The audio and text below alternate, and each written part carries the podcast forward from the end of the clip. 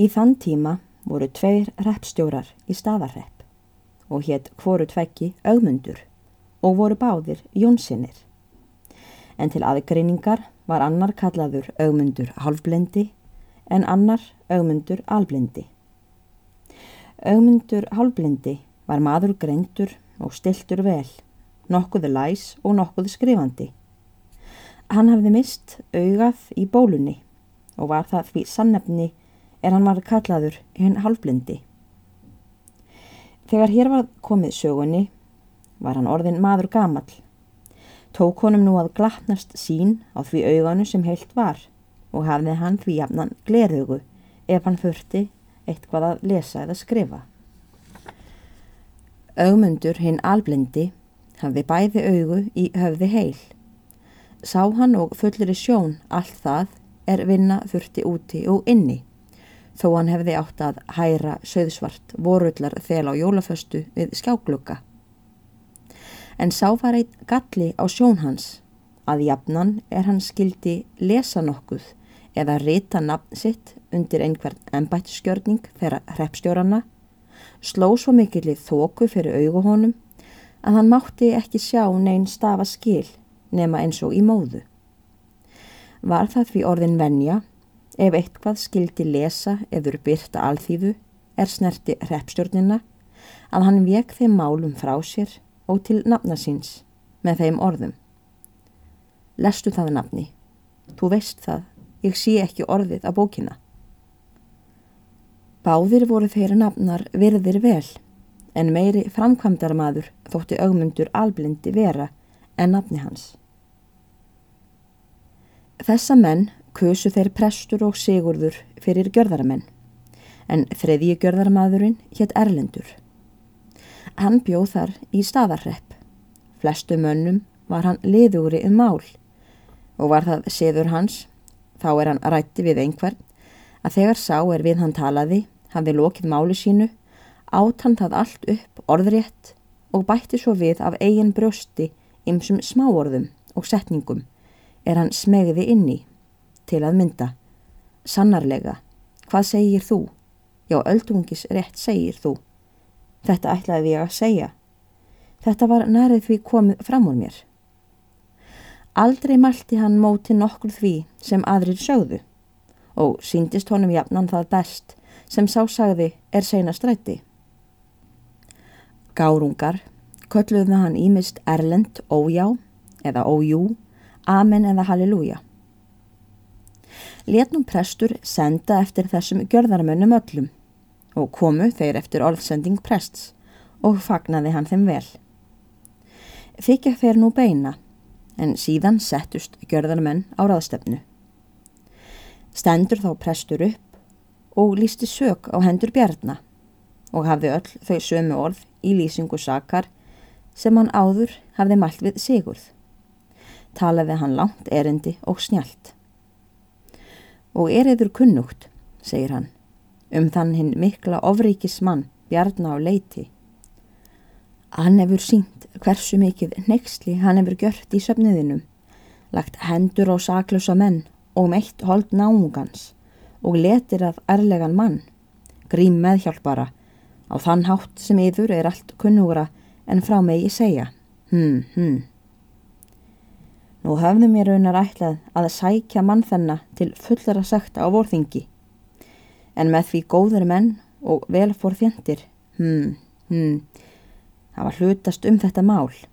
Þá höfum mér, eftir að hafa vel beðhengt, látið til leiðast að gjöra þá miðlun á málum að láta málið koma í gjörð og höfum mér það til nefnt þessa alkunnu heiðursmenn er nú eru hér.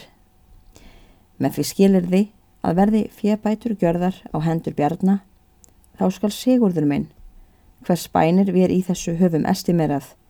Hmm, hmm, hansala það að þær verði áfríu laust af hendi leistar. Síðan settist prestur niður og tóku gjörðarmenn að ræða málið með sér. Kom þeim það öllum ásamt að Bjarni hefði ratað í þann mesta glæp og vart myndi hann nú halda egnum og landsvist ef málið kemur til dóms og segja þeir allir að prestur hafi auðsýnt sigurði vináttubragð mikið. Prestur tók fram í og segir og ekki má það heita vináttubragð en satt er það að við sigurður minn erum málkunnugir. Hmm, hmm. Er hann hafi leift að leggja málið í görð? En um hitt urðu görðarmenn í fyrstu ekki á eitt sáttir. Hverjar sektir þeir skildu gjöra á hönd bjarna eða hver miklar?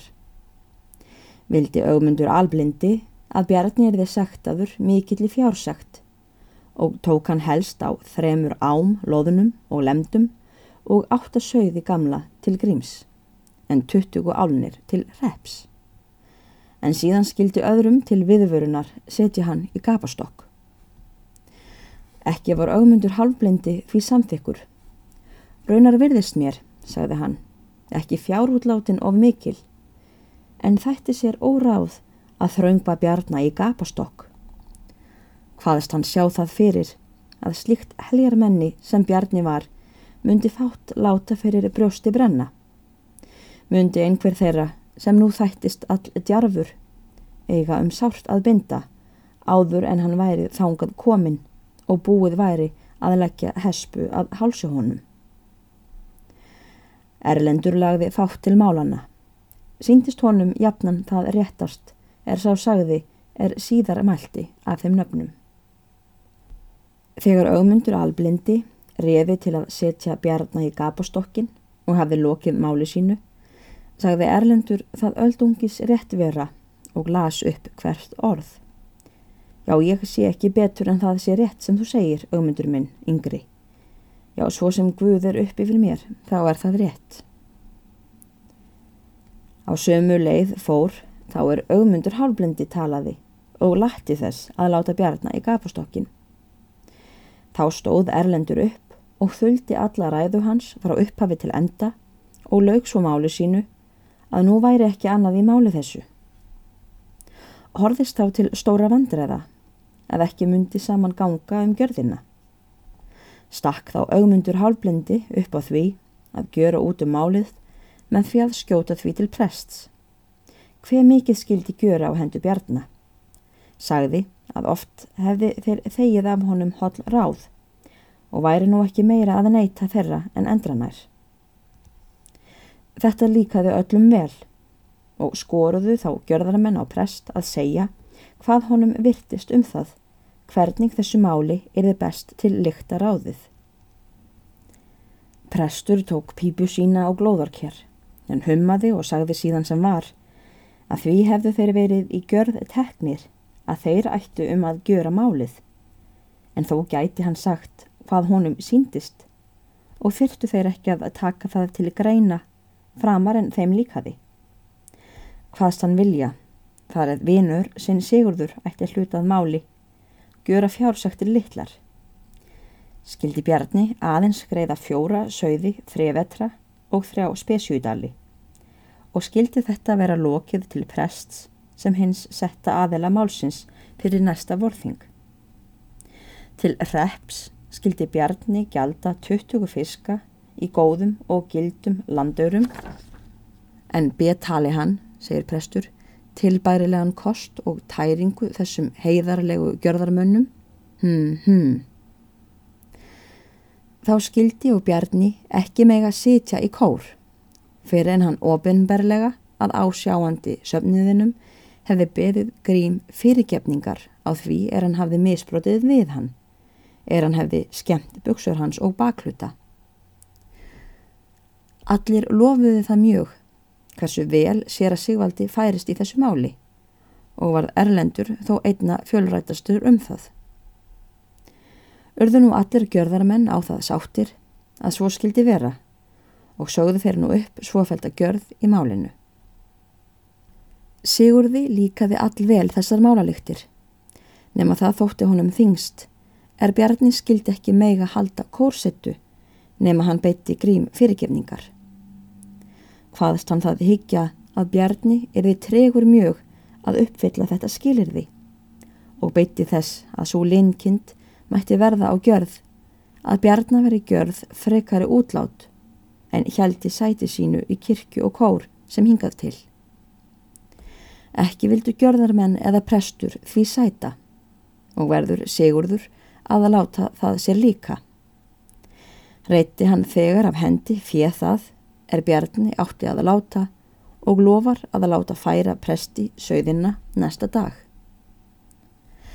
Eftir að þessari sætta gjörð var lokið, lætur Sigvaldi prestur bera einn drikk sterkan og setjast þeir allir við drikju og er prestur hinn gladasti og er hann engum blíður við Sigurð talar mjög um hver mikill gæfumadur hann sé að ráða þannig til lykta vandræðum þessum er svo ítla horðu segir hann og að hann uni allvel þeim málalyktum er á síu orðin en friður og sættir séu í söfniðinum hafi og jafnan svo verið síðan hann tók við geimslu hjarðar drottins að menn lifðu í ástsemi og eindregni andans hver við annan og ekki atst við illdeilum.